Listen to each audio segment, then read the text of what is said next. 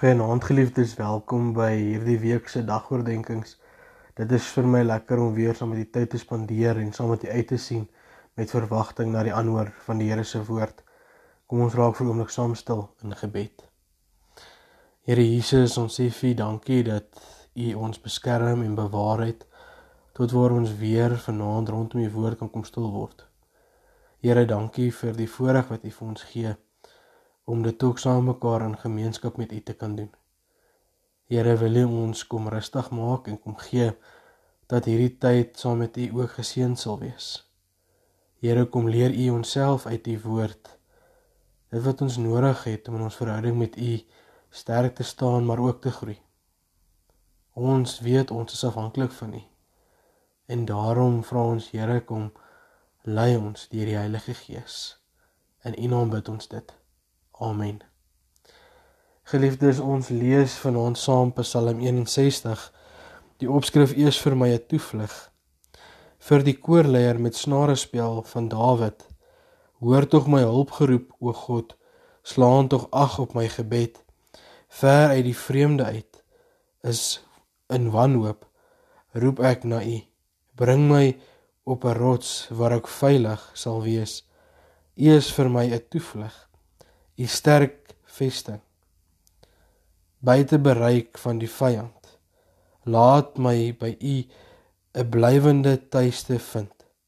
Laat my skuil onder u vleuels u o god hoor my geloftes.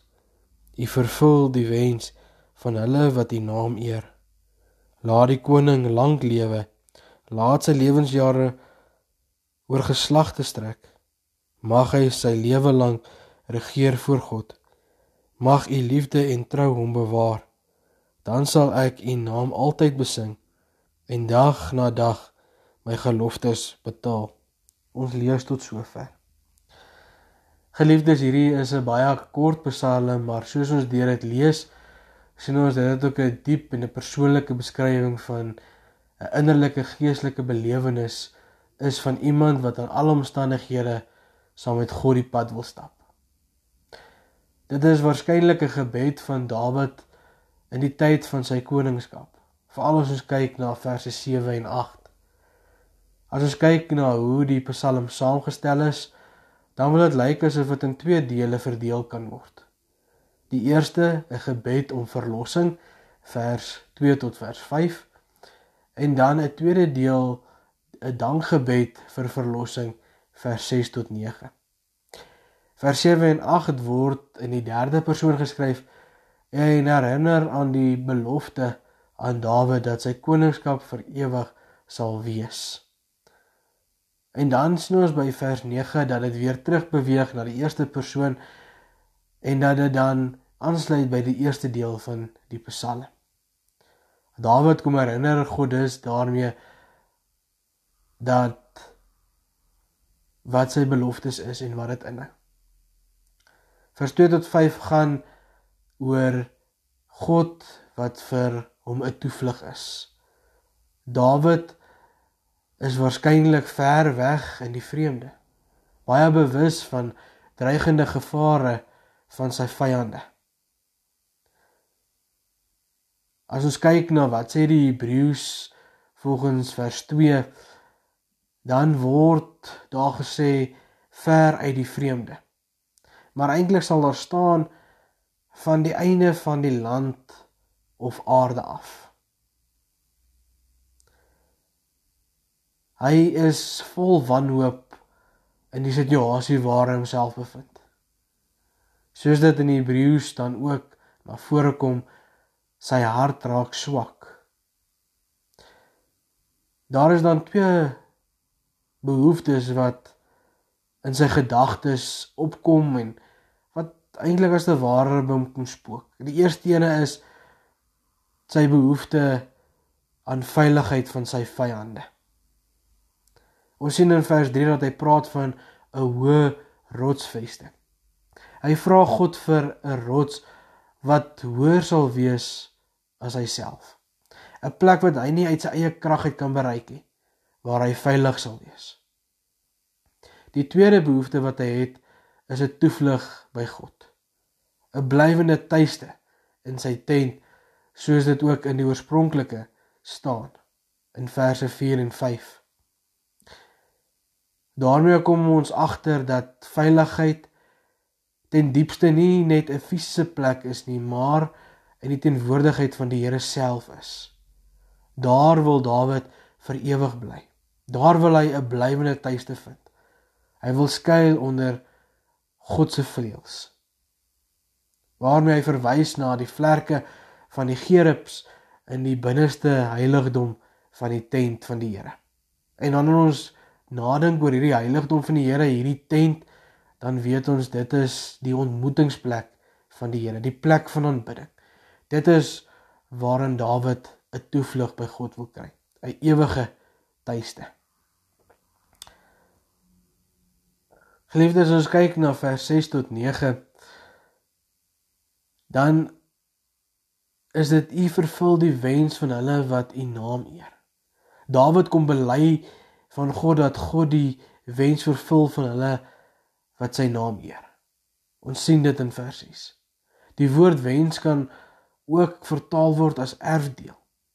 En dan kan dit soos volg vertaal word. U gee my die erfdeel van hulle wat sy naam eer.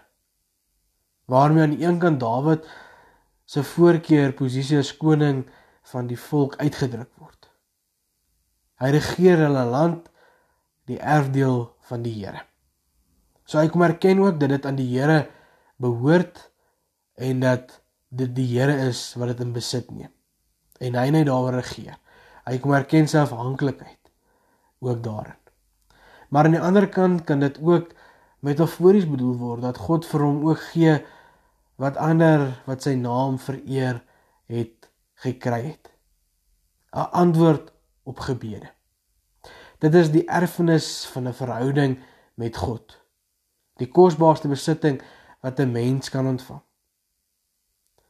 Ons moet ook hier net onthou wat is die rol wat gelofte speel en hoe krities belangrik die nakom van geloftes in vers 9 uitgespel word.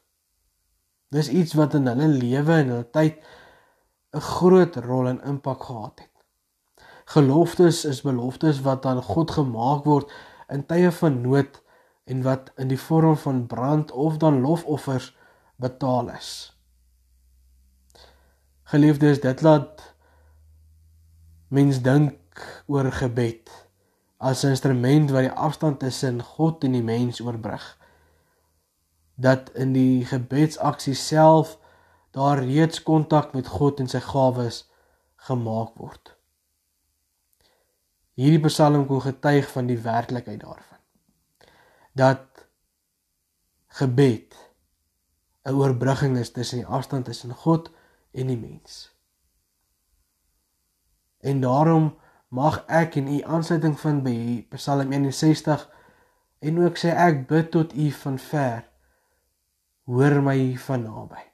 Mag ons werklik voel hoe ons in ons gebedslewe nader aan die Here kom in sy teenwoordigheid en dat ons werklik ons behoeftes aan hom kan kom bekend maak. Omdat ja, ons dalk van ver af na hom toe bid, maar in ons gebed ons van naby aanhoor. Mag ons hierin vreugde vind. Amen. Kom ons bid saam. Here, dankie vir u woord. Dankie vir hierdie Psalm wat ons saam kon gehoor het en dan geluister het, Here. En kan weet dat gebed ons nader bring aan u. Here dat ons sal besef dat maak nie saak wat is die omstandighede waarin ons is nie. Ons kan in gebed altyd na U toe kom. Daar is nie eers iets nodig as voorwaarde voordat vir ons moontlik gemaak kan word nie. Ons het altyd toegang tot U. En mag ons dit onthou. Here mag ons in ons afhanklikheid en ons behoeftes maar ook in ons soeke na 'n toevlug, beskerming, leiding. Here ons kan die lys opnoem. Mag ons dit kom vind in gebed. Here kom versterk ons in ons verhouding met U. Kom wees getrou en dra ons in tye van uitdaging, van swaar kry, van seer kry. Here, U weet wat elkeen van ons vanaand nodig het. Wil U dit ook vir ons gee binne die tyd en die wil, soos wat U goed dink. Here, dankie vir U liefde en genade. Dankie dat U elkeen van ons as gelowige kom vashou en kom sterk maak in hierdie dag. Ons loof en ons prys U naam. Ons vra Here, gaan die res van die aand met elkeen van ons lei ons tot 'n rustige nagrus. Gee dat ons sal uitrus en môre ook vol energie sal opstaan en voluit sal gaan lewe sodat ons ook U daardeur kan verheerlik. Ons bid en vra dit in U naam se wil. Amen. Geliefdes, mag jy 'n mooi aand verder geniet. Groete by die huis.